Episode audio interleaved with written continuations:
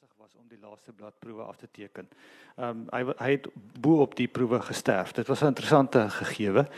En uh ehm um, op daardie stadium het ek as uitgewer te betrokke geraak en ehm um, professor Hans Du Plessis van die Pikke het toe vir ons gehelp om die finale deel te doen. Ehm um, so dit is dis dis werklik nog 'n besondere voorreg om julle hier te hê vandag en natuurlik ook wil ek dan net verskriklik dankie sê vir die mense wat vandag hier voor sit want ehm um, Normaalweg sou ons natuurlik die outeur hier gehad het, maar soos ek sê hy het gesterf ehm um, terwyl hy besig was met met hierdie finale. Ehm um, hy was die boek was al op bladproewe gewees. So baie vinnig gaan ek net vir julle sê die die gesprek vandag gaan juis oor nie oor swart en wit nie, maar oor die bruin en Afrikaans. As ek reg wil. die ehm um, dit is ons gaan met ander woorde direk inval in die geskiedenis van Afrikaans en ons gaan terug daarna waar Jan van Riebeeck en die Khoi mense mekaar verstaan het want dis waar Afrikaans vandaan kom. Ehm um, en dan natuurlik al die ander goeters wat daarmee saamgaan. So ek gaan vlugtig net vir julle sê wie vandag op die op die verhoog sit. Dis 'n uitgeleese groep mense en ons is besonder dankbaar dat ons in die afwesigheid van 'n groot gees soos Christo van Rensburg, um vier ongelooflike groot geeste kon kry om oor die boek en dan oor hulle eie paadjie met Afrikaans te praat. Daar um op dis my regterkant, julle linkerkant is Adri um wat in beheer is, hy is van die um sy is van die pikke en sy is 'n taalkundige daarso. Ehm um, hier is Teresa wat van Cambridge afkom, ook 'n taalkundige. So jy sit met twee baie baie goeie taalkundiges en santaktiese mense hierso. Ehm um, ek het net toevallig sy boomdiagramme het my nog altyd 'n probleem gegee. Maar hulle gaan vir julle verduidelik hoe interessant taalkunde kan wees. Dan het Karen ken julle hier aan die kant. Sy is 'n skrywer van formaat en die rede is hoekom ons haar bymekaar by vandag hier gebring het is natuurlik omdat ehm um, sy het baie navorsing gedoen oor die Griekse mense en juis oor die Afrikaans van daai wat daar bo in heeltemal 'n ander deel van die Afrikaans en dan wil ek is iemand wat julle sal ken as iemand wat wat baie baie diep in die geskiedenis indelf. Ehm um, wat wat hom besonder maak is dat hy vertel die geskiedenis van die strand af, nie die geskiedenis van die skepe af nie. So, um, ek wil regtig op hierdie stadium net sê verskriklik dankie vir almal van julle wat hier is vandag en uh, ehm um, Adri, baie dankie dat jy die gesprek gaan lei. Dit is 'n voorreg. Baie dankie. Baie dankie almal en baie welkom. Ons is baie bly om so baie mense hier te sien. Ek hoop ons gaan 'n goeie gesprek hê wat julle ook almal sal interesseer. Ehm um, ek dink ons moet begin by 2012 met Prof Christus se eerste boek wat sy naam was So kry ons Afrikaans want ek dink die boek het 'n hele nuwe ek wil amper sê beweging van geskiedenispublikasies en geskiedenistaalpublikasies aan die gang gesit. Want van daai datum af na, na Prof Christus se boek het daar en rondom daai tyd 'n hele paar boeke verskyn wat eintlik 'n nuwe blik op die geskiedenis van Afrikaans op uh, gewys het. Ek dink byvoorbeeld aan ehm um, die Afrikaans van die Kaapse Moslems, dis Ahmad David se vertaling wat deur Hein Willemse verskyn het.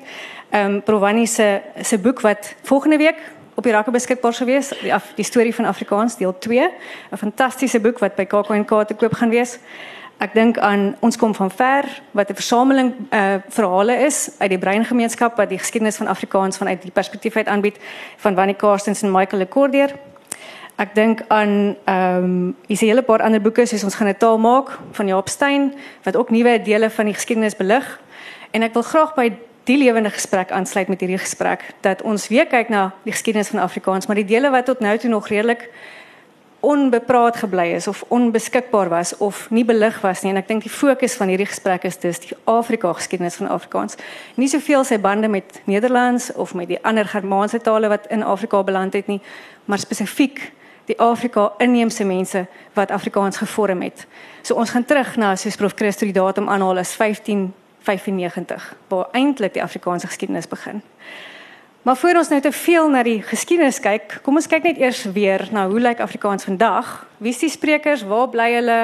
Hoeveel mense praat ons van? So ek het vir Teresa die eerste vraag om net 'n bietjie meer taalkundige hoek uit vir ons te sê, hoe lyk die prentjie van Afrikaans vandag? Oké, okay, so ons bevind ons natuurlik tussen sensusse want dit gebeur mos maar elke 10 jaar en die laaste een is dus in 2011. Ehm um, die geprojekteerde syfers van die aantal um, Afrikaanssprekendes op die oomblik is idee is basies dat daar so as 'n mens sê daar 57 miljoen ehm um, op die oomblik, dat daar 7.2 miljoen ongeveer um, eerste taalsprekers van Afrikaans is. So dis ek weet presies hoe hoe akkuraat dit is, maar dis nog 'n geweldige aantal. As 'n mens dit dan um, vergelyk, daar's ook nog 10.3 miljoen ehm um, tweede taal sprekers. So die getalle is dis definitief nie die geval dat ons hier in 2017, 2017, 2019 sit ehm um, met 'n geval van 'n taal wat nou weet op enige gevaarlyste ehm um, behoort nie, soos wat baie mense soms vrees. Dis definitief nie die geval nie. Ehm um, dis nog steeds die derde grootste taal in Suid-Afrika. Ek dink almal weet seker Zulu en Xhosa is die grootste, maar Afrikaans is nog steeds die derde grootste taal. En wat interessant was wat mense gesien het van die uh, 2011 sensus was dat um, Afrikaans in al nege van die um, provinsies toegeneem het die aantal sprekers wat ek dink ook vir baie mense verrassend was. So en wat natuurlik die interessantste van alles eintlik is en wat baie relevant is vir ons gesprek vandag is die geval dat um, die meeste Afrikaans sprekers is actually nie blanke sprekers nie. Dit is baie belangrike gegewe. It's actually 6 uit 10 uh, sprekers wat Afrikaans eerste taal en as jy sê ons hulle praat baie Afrikaans is actually nie blanke sprekers nie. So dit is dit is dit is iets wat ons in gedagte moet hou en ons gaan sien. Dit is nie 'n nuwe ding wat ewe skielik ontstaan nie. Ons gaan vandag besef dit is dit was beslis altyd eintlik so. En net waar Afrikaans gepraat word, wil ons weet natuurlik hier in Suid-Afrika, maar ook in Namibië. As die syfers wissel maar so die mense sê dis uh, tussen 170 000 en 260 000 ek dink is seker nader aan die aan aan die eerste getal. Maar ehm um, dis nog steeds 'n groot persentasie ehm um, Namibiese Afrikaans sprekendes en dit is interessant as mens kyk waar dit vandaan gekom het. Dit was nie die Dorslandtrekkers nie, dit was ook nie die Suid-Afrikaners wat daar oorgeneem het nie, niks te doen met die Duitse bewind nie. Dit is actually al die ehm um, die Rehoboth Busters, die oorlams. So dis 'n dis 'n lang geskiedenis ehm um, van Afrikaans in Namibië. En dan as jy mens net elders kyk, uh so in Afrika het ons natuurlik ook nog in Lesotho, in Swaziland, in Botswana en jy kan so ver noord gaan so Zambië en ehm um, ook Malawi waar daar mense ook allerlei Afrikaanse woorde ehm um, vind. So ek het 'n PhD student wat Chichewa doen en almekaar sien ek, o, Naliti beteken naald, wel, dit is Afrikaans. So dis dis is nogal interessante invloede wat mense sien van Afrikaans as jy in Afrika kyk.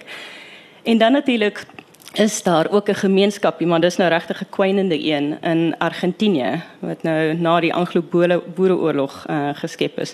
En dis ook 'n interessante gemeenskap. Ehm um, dis twee dorpies Sarmiento en Comodoro Rivadavia wat ek ook al op 'n stadium kom besoek en die Afrikaans wat mense daar hoor is 'n interessante mengsel van baie argaïese ehm um, woordeskat, so jy hoor 'n 'n mog en jy hoor forme soos nige en tagentag Maar aan die ander kant ehm um, is daar ook nuutskeppinge soos 'n uh, lughawe, is nie 'n lughawe nie, dis 'n vliegtuigstasie byvoorbeeld. En dan is daar wat wat dis mooi, dis mos baie mooi om 'n lughawe so te bestempel, nee. Maar dan is daar natuurlik ook Spaanse Spaanse woorde so jy het nie 'n lorry of 'n trok nie, dis 'n camion. Dit maak mos sin. En hulle doen ook nie braai nie, dis asador. So maar dit is nog steeds daai Afrikaans is aan die sterf, maar interessante Afrikaanse wat nou reg oor die wêreld ontstaan, kry ons natuurlik ook in um in Engeland en die VK oor die algemeen, in Kanada, Nieu-Seeland, Australië en dis eintlik jy kan enige plek toe gaan jy sal Afrikaans hoor. Ek was byvoorbeeld onlangs in Indië en ek kon my ore nie glo nie. Die eerste taal wat ek gehoor het toe ek by daai lughawe van my vliegtuig afgeklim het, was Afrikaans. So Afrikaans is aan die gang en is oral in die wêreld te vind. Baie dankie. Ehm um, so kom ons spring sommer terug dadelik in die geskiedenis in en ek het nou vir Willa die eerste vraag en ek haal hierdie sinnetjie aan uit Willa se artikel uit ons kom van ver. Ehm um, dit daar's 'n oormate bewyse dat Khoisan Suid-Afrika se eerste inheemse nasie was. En Prof Christo van Rensburg het aan dat Afrikaans die eerste keer gehoor is in 1559, 95 in die monde van die Khoi. So hoe het dit gebeur as hulle die eerste mense was wat die wat die VOC amptenare en ander Europeërs wat voete aan wal gesit het hier gehoor het. Hoekom het dit gebeur dat die mense hulle eerste taal verloor het en Afrikaans begin praat het as 'n as 'n moedertaal? Uh baie dankie Adri, goeiemôre. Uh amper gesê broers en susters, maar ons nou in 'n teater. so verskoon my maar. Ek is gebore in uh, in 1948. Baie belangrike besondere jaar omdat die wêreldraad van kerke in daardie jaar gestig is iets dinge gaan praat van die van die van die nasionale party nie glad nie. Um, ek het groot geraak in 'n Afrikaanse huis, Afrikaanse familie, Afrikaanse dorp, Afrikaanse kerk, Afrikaanse gemeenskap. Al woord wat ek in Engels geken het was stopstraat.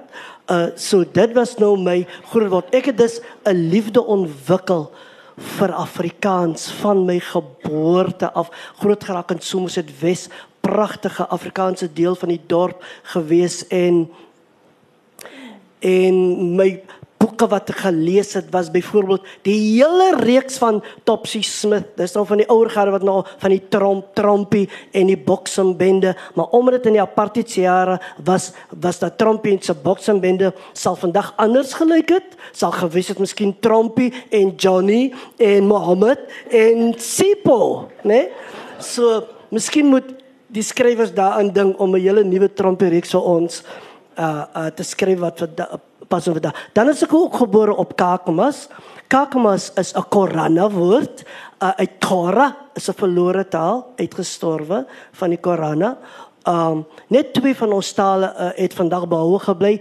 'n magtige Namagowap wat tot in Namibië gepraat word. Baie van ons mense in Namakoland, my vrou kom uit na Namakoland dit. Baie van die ouer gade praat nog die Namataal. Dit lewende word hier by Stellenbosch. In se tyd gaan dit ook uh, informeel aangebied word, maar nou die taal van die Boesmans, die is feitelik heeltemal uitgesterf. Miskien dink ek op Appington is daar nog 'n klein informele taalgroepie wat dit nog praat. So dis net nou en Namagowap wat nog lewend is. Verder is ons onttaal 'n woord wat ek geleer het by uh oorlede professor Gees Ninaber. Dit wil sê jou taal word weggeneem, maar dit niks met ras te doen nie. Jy sal onthou na die aankoms van die Franse genote 1688 was die Franse binne twee geslagte onttaal. Hulle kon nie hulle taal uh, lewend hou nie want hulle kon dit in die kerk praat nie, uh, amptelike briewe nie, kommunikasie nie. So die Franse hugenote het heeltemal hulle taal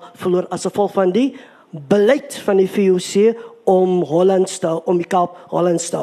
So ek is gebore op Kakamas. Kakamas beteken die plek van die woedende koei, maar dit niks met my skoonma te doen nie, net dit is die betekenis van daardie plek. Ons verhaal my mense se verhaal is 'n oerverhaal.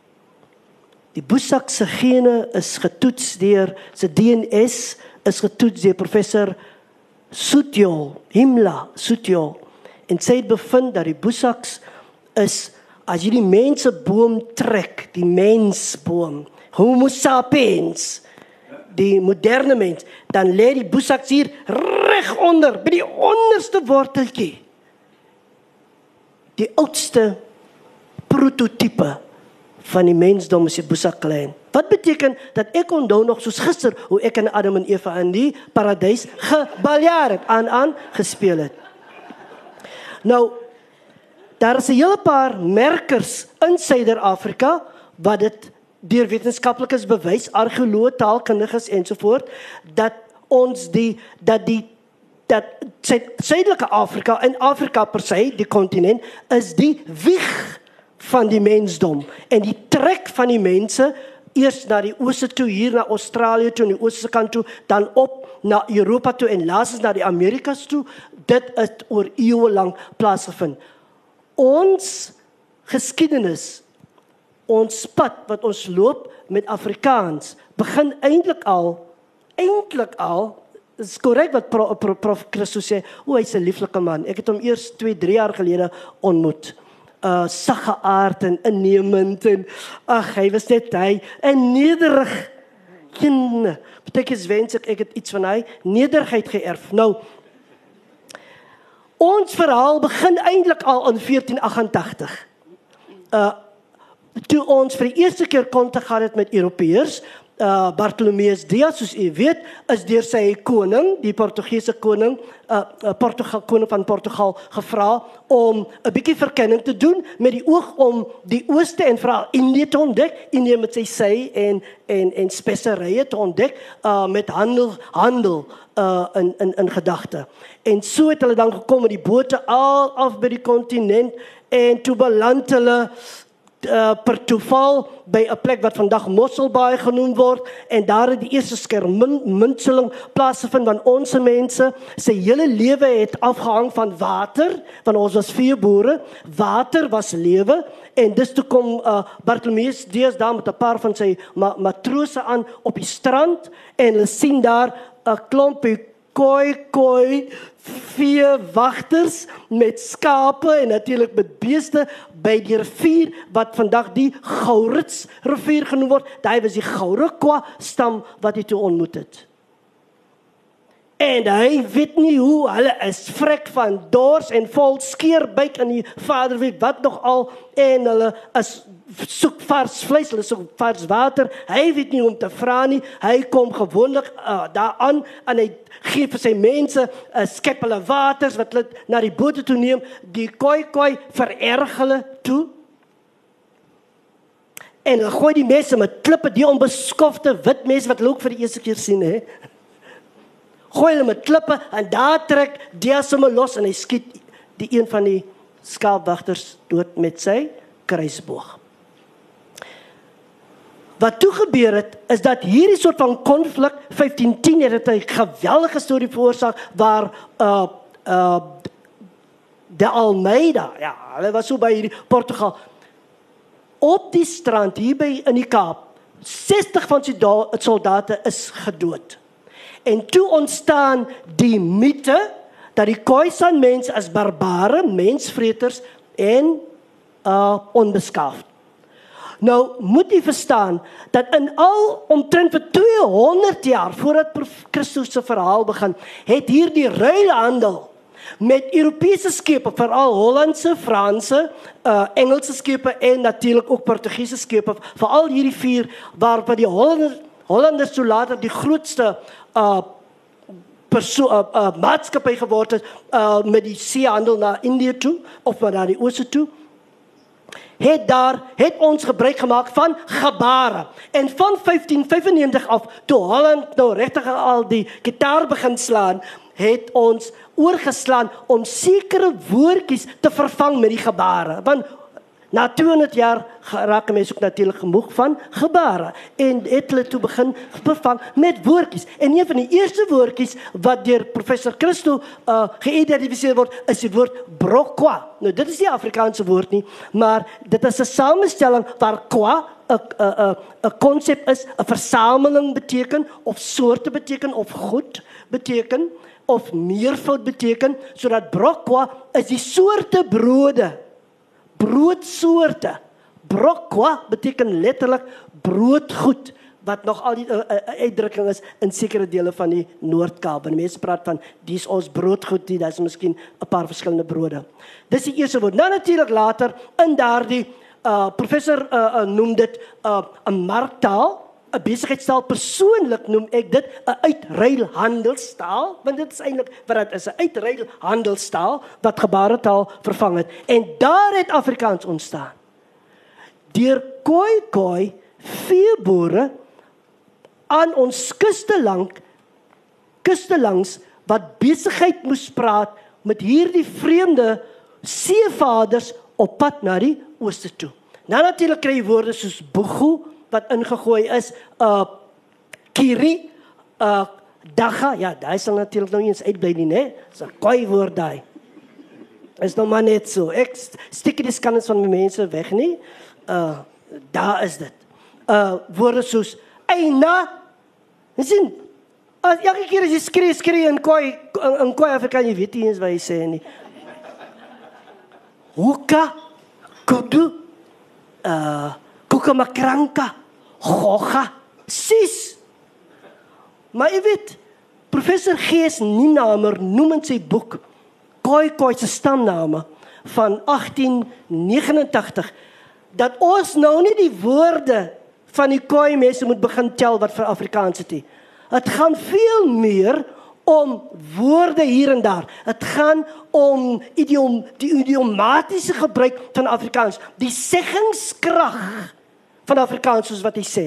So die Khoisan se aandeel vanaf 1595 tot om Janie gekom het, waar meer as 50 Khoi Afrikaanse woorde geskep was deur my mense, is 'n beduidende uh, bydrae tot Afrikaans wat ons vandag ken. Nou is daar 'n interessante ding. In hierdie laaste boek van hom skram my geliefde prof 'n bietjie weg van die dubbele uh ontkenning, die nie nie. Uh hy verander sy storie. Ek was 'n bietjie gelukkiger met hom uit 'n Khoisan oogpunt gesien in sy vorige boek um van Afrikaans gepraat. Nee, die vorige een was so kry ons Afrikaans sê hy dat die nie nie koi koi mense het aan die Afrikaans 'n ritme gegee. Nee, nee. Dit is soos amper soos hulle loop en jag, né? Loop en jag, nee, nee.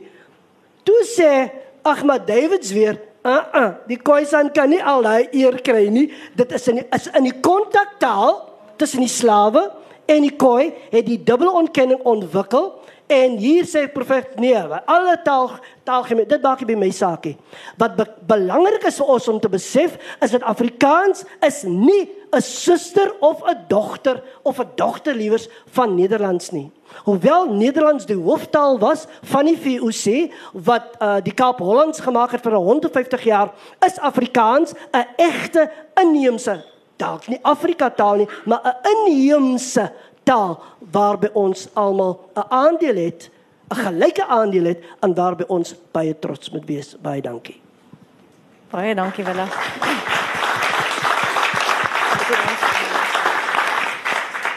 Nou Karen, eh, jou boek Tuisland, dis 'n uitstekende boek die van julle wat nog nie gelees het nie.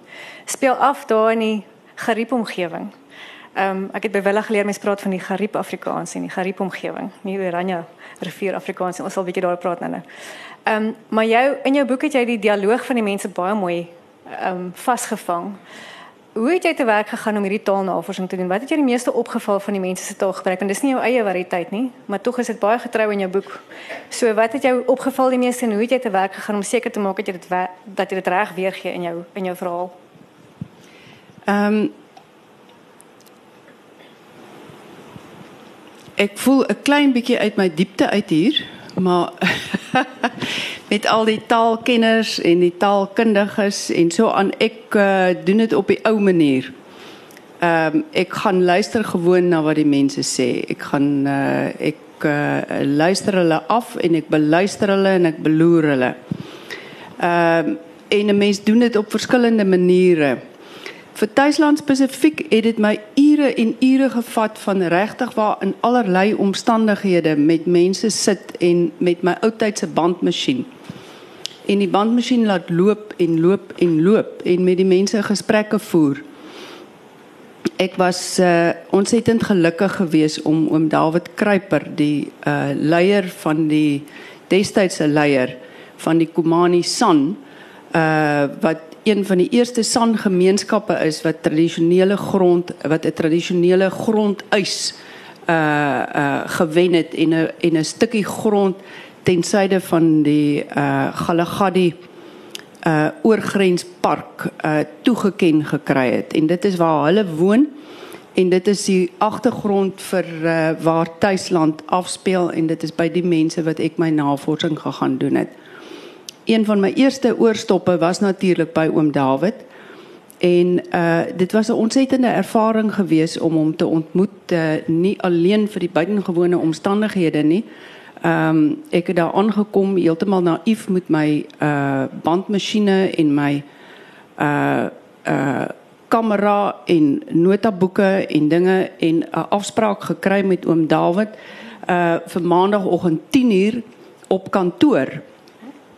Nou ja, ek is reg en uh uh gemake-up en gelipstiek en hier gat ek en ek het met my man se se bakkie gery, groot kar gery en uh die gids sê ons gaan hier die duine in. En ons is duin op en duin af en duin op en duin af en ek is naderhand is ek so benoud en die kar gaan so oor hierdie duine en ek dink maar waar in Vader se naam is hierdie kantoor. En in 'n stadium sien ek 'n duin daar ver en bo op die duin is daar so 'n pragtige uh kameeldoringboom so van hierdie sambreelbome en onder hom sit so 'n klein mannetjie kiets reg op met 'n hoed op. Dis oom David op kantoor. Ek sien wel het gesien waartoe gaan hierdie storie. Uh en dit was fantasties. Uh ek het uh, daar opgesloeg teen daai blerrie duine en is hoog. En uh neergeplons langs hom in die sand en uh die bandmasjiene uitgepak en daar het ons gesit vir ure. En baie van die ure ook in stilte gesit, gewoon in stilte wat ons nie gepraat het nie en wat uh oom Dawid eintlik vir my wat ek agterna besef het in stilte die stilte laat ervaar het en laat ervaar het jy weet wat is ook wat inspel op uh op die menswees van van die mense daar. Wat is dit wat hulle gevorm het? Maar in elk geval ek het teruggekom van daar af. Ek het uh afgesien van my gesprekke met hom het ek met ander van die van die uh, van die uh mense by die medisyne mense was uh um oom Jan van der Westhuizen klomp sulke mense. Ek het 'n uh, man wat ek ontsettend goed bevriend mee geraak het. Hy het 'n stalletjie langs die pad. Ehm um, sy naam is Eyster. Ek het by Eyster gesit omtrent vir 3 dae lank. Ehm um, Eyster maak sy sy ware maak hy onder so 'n bos daar langs die pad en die toeriste kom daar verby en op pad na die na die Galagadi park toe en uh stop daar en dan koop hulle nou, jy weet, necklaces en allerlei sulke soort van goed wat hy maak. Maar hy en sy vrou sit daar onder die bos in daai verskriklike warm son en ek het letterlik vir 3 dae by hulle gesit onder die bos. En dan is dit nou dese en gene wat verbykom en my bandmasjien is aan en ek luister. En dit is die enigste manier op die ou einde. Ek het in al 3 my boeke tot dusver was dit my metode gewees want dit is die taal wat die mense praat is so lieflik. Die die poëtiese inhoud daarvan is so verleidelik dat ek as 'n skrywer is ek eenvoudig nie daartoe in staat om dit self op te maak nie. Wat vir my vreeslik belangrik was met Tuisland spesifiek is om die is om 'n klein bietjie terug te gaan na die oorspronklike uh, manier waarop die Afrikaans ook in die ehm uh, Eh, die bleek versameling opgeneem is. Die laaste sprekers van die Tsamtaal wat in die uh uh versameling opgeneem is wat by die by die Universiteit van Kaapstad gehou word. Ehm um, die pragtige poëtiese vertellings van die uh van die mitologie van die van die uh Tsamboesmans van destyds. Ehm um, uh om om terug te kom by die digterlikheid uh van hoe die mense daar uh, uh gepraat het en dit te knoop aan aan Afrikaans van nou was my 'n ontsettende uh uitdaging geweest. En ehm um, ja, dit is uh, dit is letterlik dit is delf terug in die geskiedenis, maar delf terug na die hede ook en 'n ontdekking dan op die ou einde van die rykdom van die taal en die en die variëteit van die taal en die poëtiese verskeidenheid wat daar nog lewendig is in die taal. En uh, vir my is die heerlikste ontdekking is hoe lewendig is Afrikaans in uh, in Namibië as gevolg van Marlies. Wie of julle sal weet waarna ek verwys nie, maar dit is die klein uh, videoetjie van uh, die fietsry oefening in uh, Windhoek wat so skeef geloop het en uh, Marlies se moeder wat so Nietemin, die wat nie weet waarvan ek praat, dis sal nou nie inwees op die joke nie, maar in elk geval. Baie dankie. Ehm um, Teresa, 'n taakende vraagie. So watter elemente van Afrikaans wat ons dalk nie nou weet, weet as gewone sprekers van Afrikaans nie, kry ons nie by sy Germaanse wortels nie, maar by sy Khoi wortels. Okay, wel, dat is eindelijk meer als wat mens zal verwachten. Want ons is so gewoon aan om te zien als Afrikaans, ons gezien, ons praat van bomen. So, ons niet syntactische bomen, stambomen. Dan zien we ons altijd Afrikaans als die jongste kind van die Germaanse familie. Maar dit is absoluut, en die, wonderlijke ding is, um, dit is mij zo so fantastisch om te zien, al die boeken wat hier in Zuid-Afrika hier uitkomen.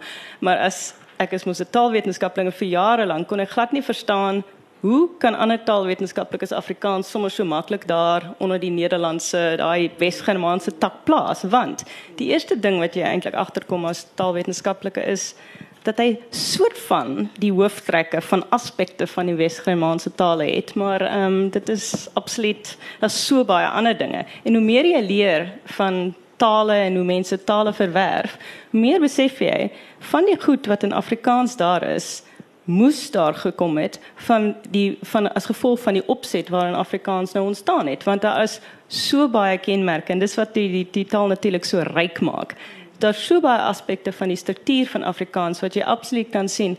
O ja, dis tipies wat gebeur as mense nou regtig 'n goeie motivering het om met mekaar, hulle moet met mekaar kan praat onder omstandighede waar hulle nie begin met dieselfde taal nie. Daar is hoop sulke um, um kenmerke en ek sal 'n paar noem en 'n paar voorbeelde gee.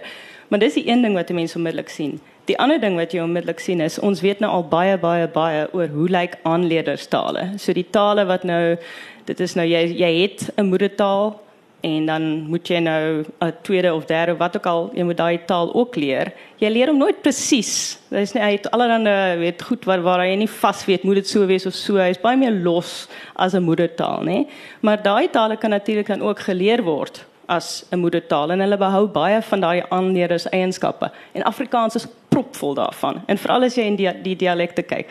As taalwetenskaplik kan jy nie vir Afrikaans kyk en sê o ja, dis maar net iets wat alles gebeur het Wes-Germaanse goed kan so verander. Dis absoluut onmoontlik. So dis eintlik vir my is dit nou 'n fantastiese ding dat daar nou so baie uit so ehm um, baie verskillende bronne in die afgelope 10, 15 jaar uit Suid-Afrika absoluut daai ehm um, daai daai bevestiging gekom het van die feit dat Afrikaans dit kan net nie as 'n Wes-Germaanse taal. Jy weet, as dit is dat dit die einde is van die storie as dit kom by Afrikaans. As dit kom by goed die soort van die leidrade wat ons het dat dit die geval is. Dis goed wat natuurlik Afrikaanssprekenders ek dink nie eens te snaaks nie, maar as jy dink ons sê almal ek en dan sal jy dink ja, okay, goed.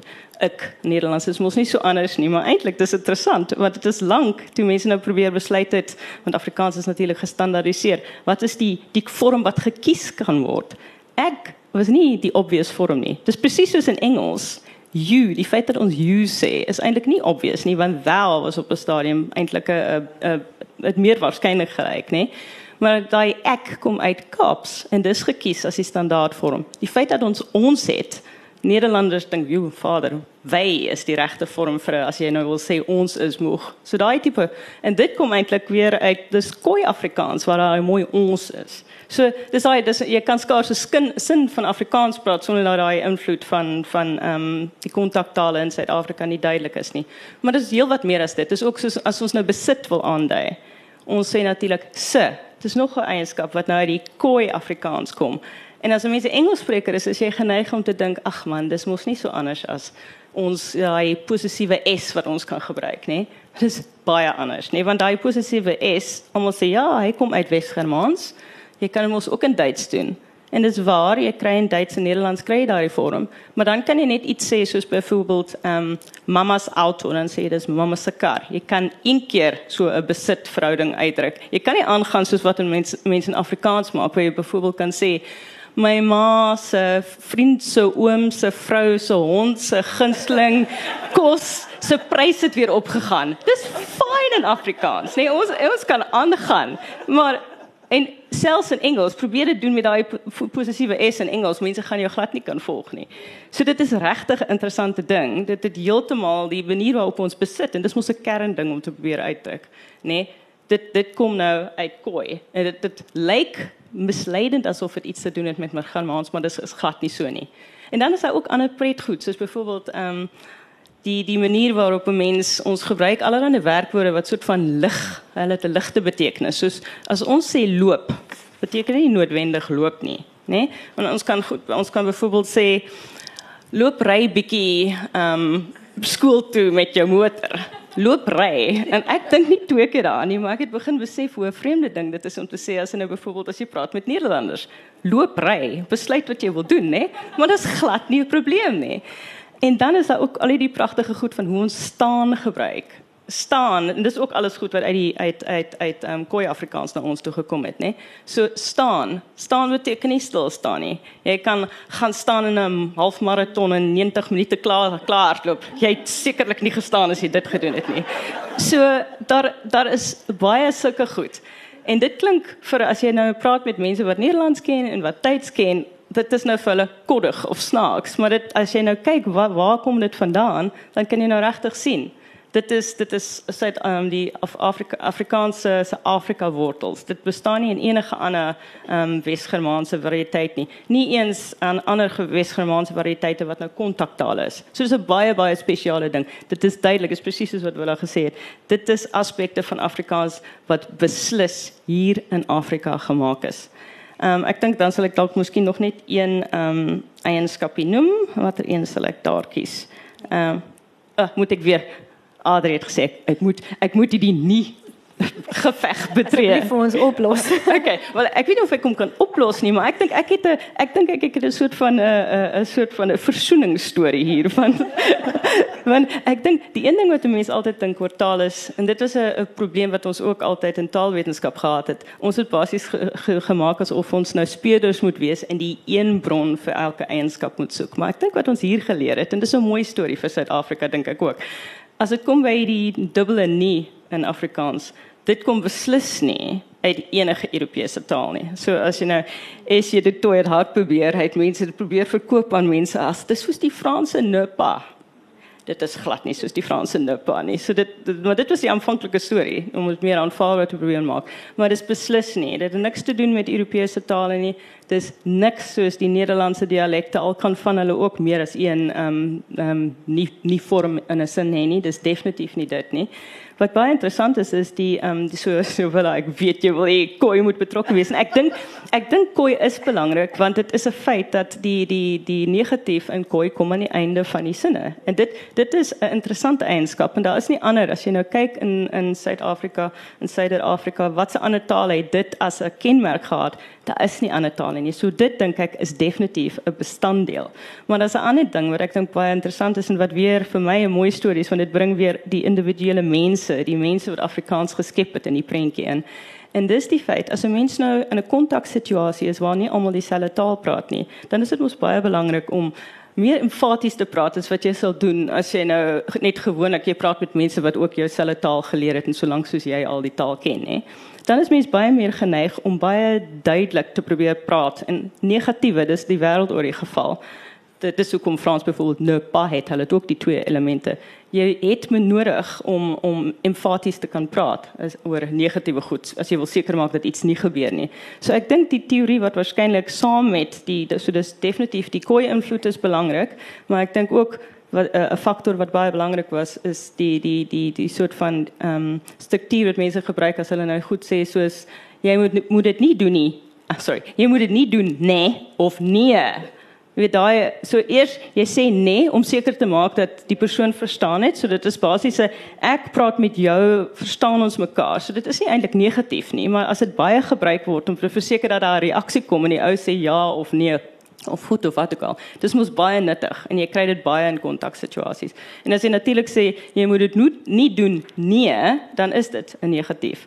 En daar is redelike aanduidings dat daai tipe strukture gebruik is, baie gebruik is. En as jy natuurlik gewoond is aan 'n taal waar die negatief aan die einde is, dink ek die twee goed kan baie mooi saamwerk. So ek dink die antwoord vir Afrikaans daai dubbele nie is waarskynlik nie dit kom van taal X of taal Y nie. Dit kom waarskynlik van die taalsituasie wat ons gehad het. En soos ons weet, as jy wat wat ons baie gebruik as 'n emfatiese struktuur, as jy hom baie gebruik, dan verloor hy daai ekstra krag. So en veral kinders wat 'n taal aanleer, gaan net dink, "Ag, oh, hulle sê altyd hierdie nie nie. Got it. Ek weet dit is hoe ons negatief doen." So ek dink dit is 'n soort van taalverwerwing en dan ehm um, ook kooi ensovoorts, al hierdie goed wat saam vloei. Maar die belangrike ding is dis die mense wat hierdie taal gebruik het en die kinders wat hierdie taal geleer het wat wat dit so gemaak het. Dit is nie iets wat wat in die standaard ingesit het van nêrens nie. So ek dink dis dis wat ek daaroor sou sê.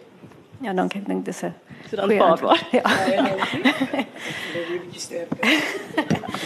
Ehm um, ek het nog so drie kort vrae, want ek wil graag hoor of daar vrae uit die gehoorheid is uh, oor so 'n paar minute. Isak, ek het tot half vir hierdie vir hierdie gesprek nou. Tot half. Ehm um, wel daar is nog steeds 'n verskil tussen die Afrikaans wat gepraat word in die omgewing van die Oranje rivier en die Afrikaans wat op ander dele gepraat word. Kan jy vir ons ietsie unieks of bietjie verduidelik wat is unieke elemente van van die taal van Gariep Afrikaans. En jy kan sommer daarop motiveer waarom ons praat van Gariep Afrikaans as ons ja. van hierdie streek praat. Uh Adri, dis ongelukkig 'n lang vraag en 'n lang antwoord, maar ek gaan nou maar liewes net maar kort probeer so kort. uh antwoord is moontlik. Ons moet onthou dat ehm um, by die uitsterf van ons oertale het ons self gehelp bygedra tot die skep van die nuwe taal, kontaktaal wat Afrikaans genoem word. Maar met die verspreiding, nou dit het in die Wes-Kaap in die Skiereiland gebeur. Die ontstaan van Khoi Afrikaans was in die Kaapse Skiereiland, maar met die daar is verskeie redes waarom die taal versprei het, onder andere ook tot by die Karib, wat beteken groot rivier wat toe later in die middel 1700s sommer op 'n arrogante wyse verander is na die Oranje rivier toe om Willem van Oranje te vereer, maar dis 'n ander storie. Ehm um, die trek daar is redes waarom die taal dit is ook bygedra tot die verspreiding van Khoi Afrikaans na verskeie dele toe. Nommer 1 uh in 16 uh, 1657 toe voer oom Jan um oom Jan uiteindelik toe 'n groot deel van die Kaapse Skiereiland uh, vir ons oneien sonder sonder vergoeding. En hy omskep dit toe in 10 plase waarvan sy eie plaas Bossiewil was wat vandag bekend staan as Bishop Scott. Was om Jan se plaas uh, Grand né Rondebosch en allerlei plekke. Dan toe voer om Jan die volgende jaar 'n uh, klomp slawe in uh, van Angola en Madagaskar in Indië, uh, Sri Lanka, Indonesië want wit mense kan nie so op hulle eie plase werk nie net so hy het dit ander soort hande nodig gehad. En volgens hom was die koi koi te lui om vir hulle te glo werk maar hoe kan ons loop werk op ons eie grond nê so dit vir ons sin gemaak nie?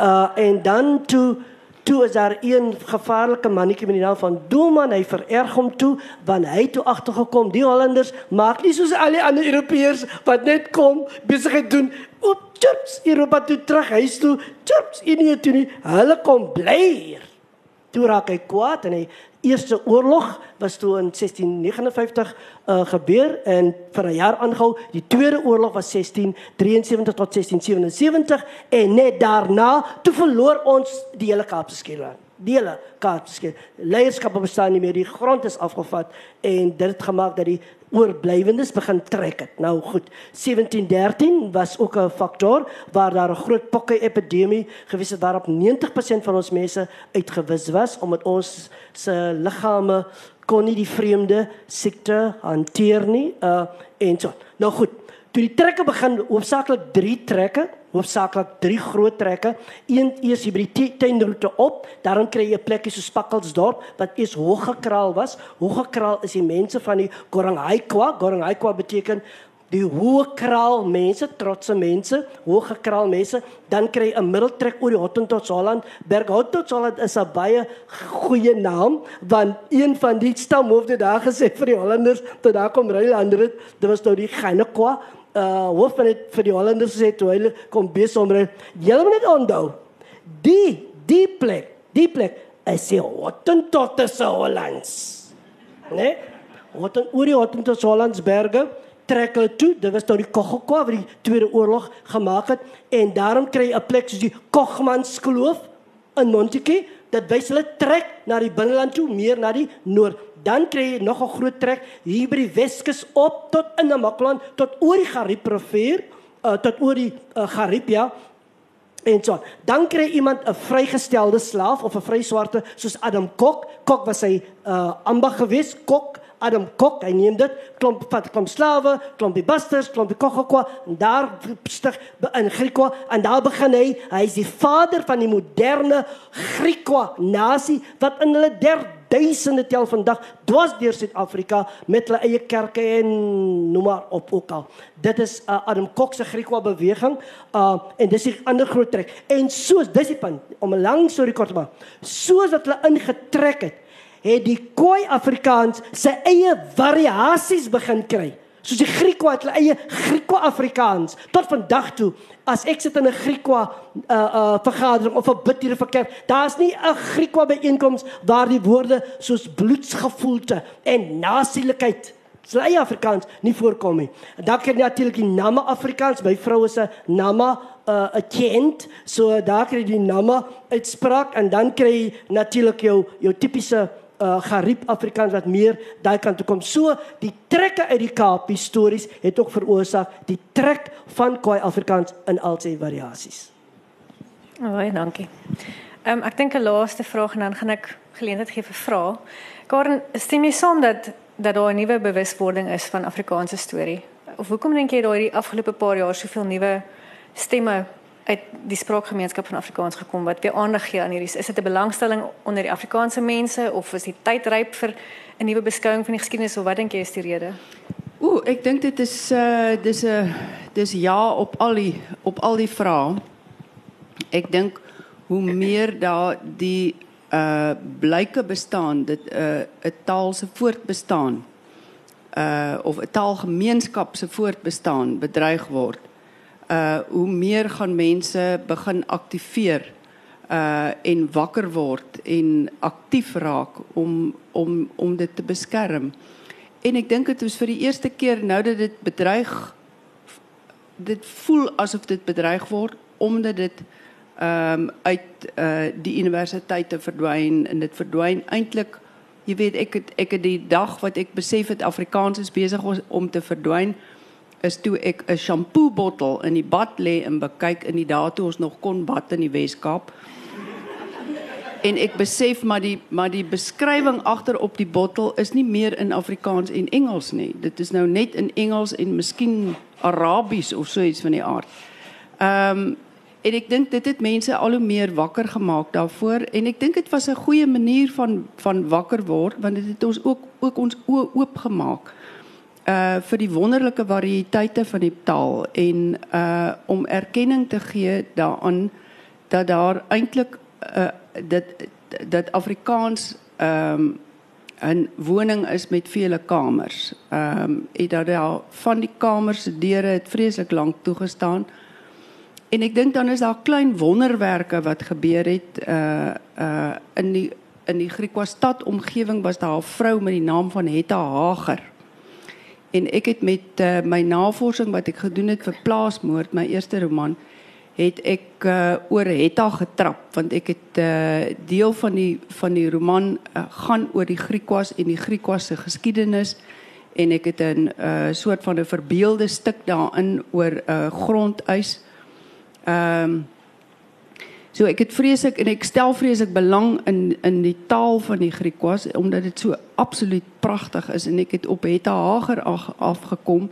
Hetta het oor dekades heen op Griekwastad gebly en sy het Griekwa-Afrikaans bymekaar gemaak. Sy het 'n absolute skatkis opgebou van van uh van woorde en uitdrukkings, poëtiese taalforme, unieke taalforme van Afrikaans uh en uh mense soos Hans Du Plessis en so aan met sy Griekwa verse en so aan. Ek dink dit het almal se se se entoesiasme vir die ongelooflike kreatiwiteit wat daar binne die taal skyn. Uh ek het agtergekom hoe kreatief die taal is ook in sy onvertaalbaarheid. Uh omdat my boeke na ander tale toe vertaal word. Uh uh om dit al al klaar net van Afrikaans na Engels te neem is ongelooflik moeilik want jy kan jy kan die anderlikheid as ek die woord kan gebruik byvoorbeeld van van Griekwa Afrikaans kan jy nie vertaal nie. Daar dit is dit is absoluut onmoontlik. Jy moet op 'n manier moet jy moet jy ander maniere vind om om om die musiek in die taal die dans wat jy kan hoor in die taal om dit te probeer oordra in 'n ander taal en uh dit is regtig waar nogal 'n groot uitdaging maar ek ek is ontsettend dankbaar vir die feit dat ons kon wakker word en betyds wakker word. Dankie Corin. Is daar enigiemand wat enige vrae het of kommentaar? Ja. Ehm ek wil sê dat ons kan in Afrikaans sien dat dit 'n uh, ander taal was en dat dit mense was wat um, nie mekaar nie mekaar se tale kon verstaan nie.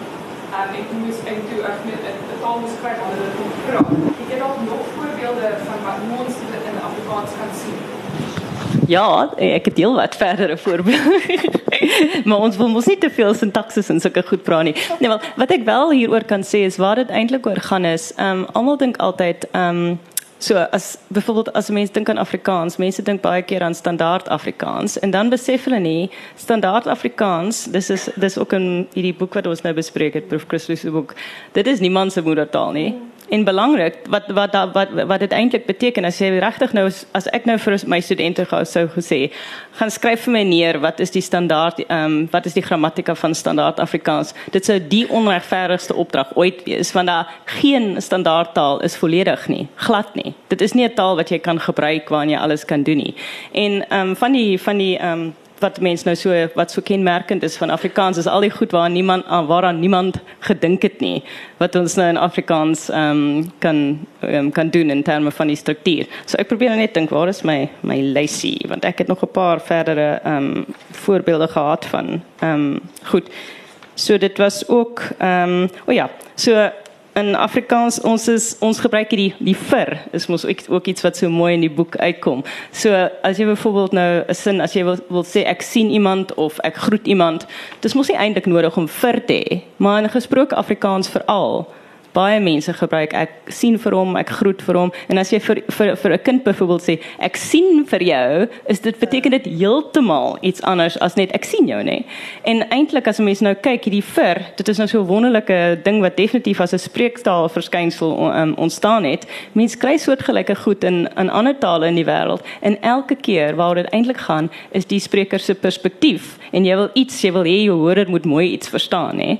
So ook in Afrikaans een ding wat ons in Afrikaans doen wat 'n mens nou regtig nie veronderstel is om in 'n Nederlands te doen, is om weer die vir te gebruik in plaas um, as jy nou byvoorbeeld 'n vraag wil vra, dan sê jy byvoorbeeld goed sê soos vir wat het jy nou gaan staan en whatever gaan staan en jy het waarskynlik nie gestaan nie nê?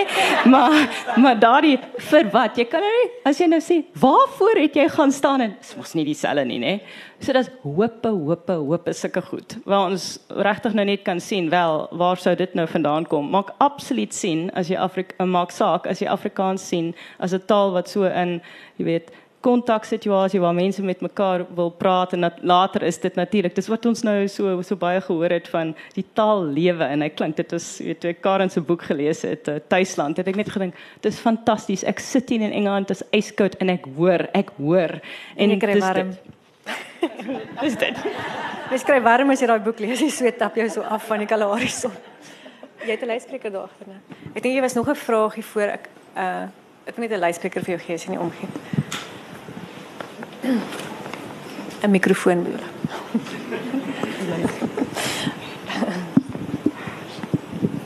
Ek weet ons praat nou vandag oor die Afrika herkoms, maar ek het gewonder of julle dalk net vinnig kan sê wanneer het die Maleise invloed in Afrikaans neerslag gevind?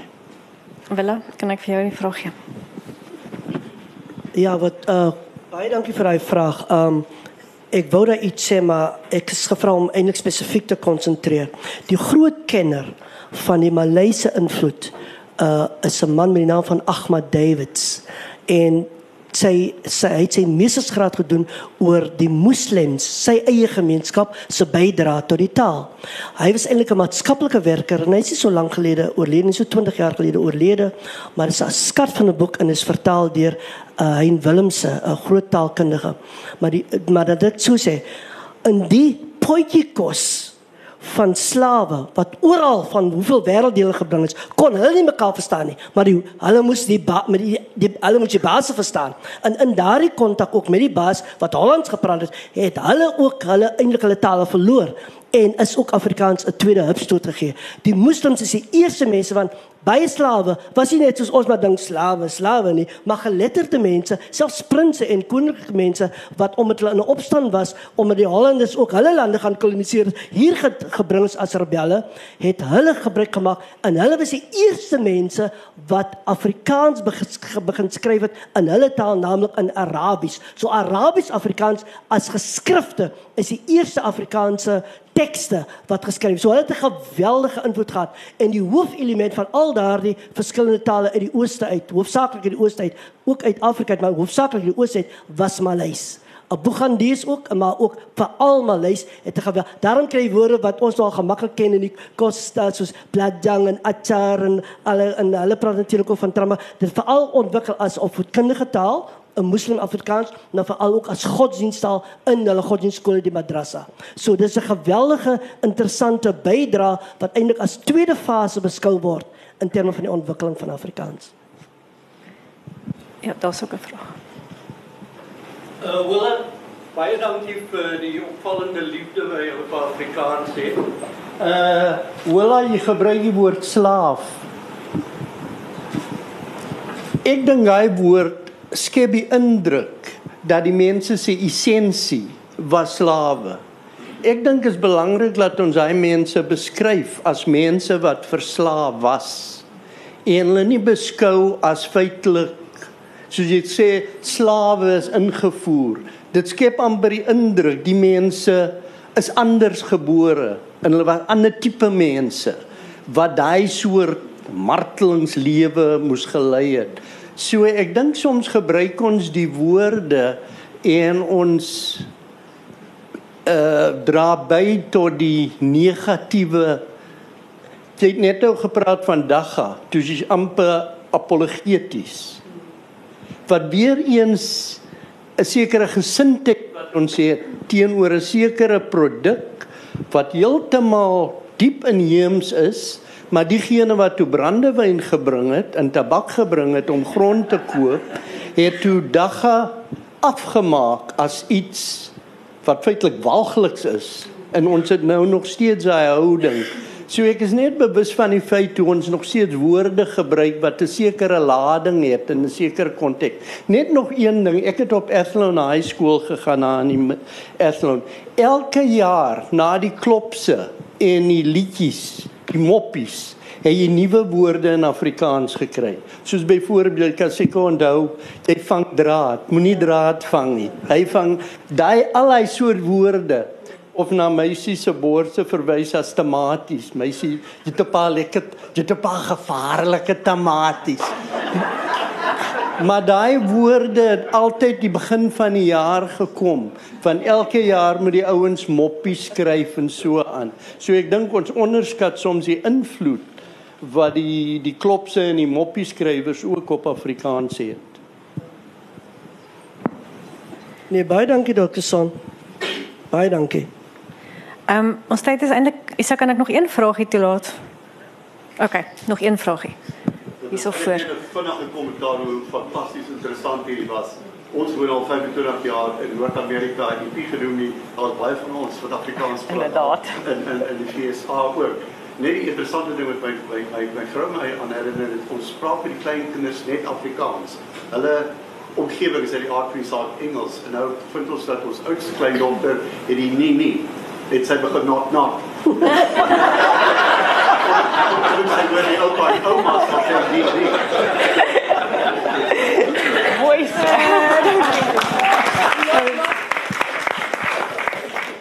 Ekskuus, daar's nog een een kommentaar. Ja. Uh, daar was 'n situasie gewees waar die president ou president Wanda uh uh die weer toegespreek het. Daar was 'n dispuut tussen Malawi O, kon jy? Daar was 'n dispuut tussen Malawi en Mosambiek oor 'n eiland in die Malawi meer. En die president Banda het altyd sy toesprake in Engels gehou. En hy het en dan het 'n tolk gehad wat dit nou getolk het. En hy het uh um uh toe vertel van hoe hulle met hulle een gunboat die Mosambiekers gaan skiet en hulle gaan wegjaag en baie baie outomatiese goed en die tolke het dit getolk een woord pas op.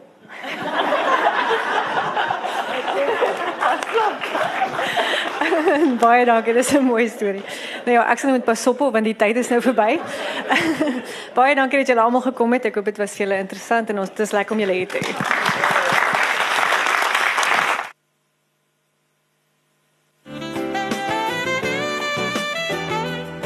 een ding vir julle nog sê asseblief. Hierdie boek is die is Prof Christo se lewenswerk gewees vir baie jare van navorsing. Is ek sê nie sommer iets van so iets van 'n boekie, maar dit is 'n moet hê, moet lees boek vir u en u kinders. En is 'n boek waaroor gaan oor almal se breë van 'n wonderlike reënboogtaal. Geniet die fees verder. Baie dankie.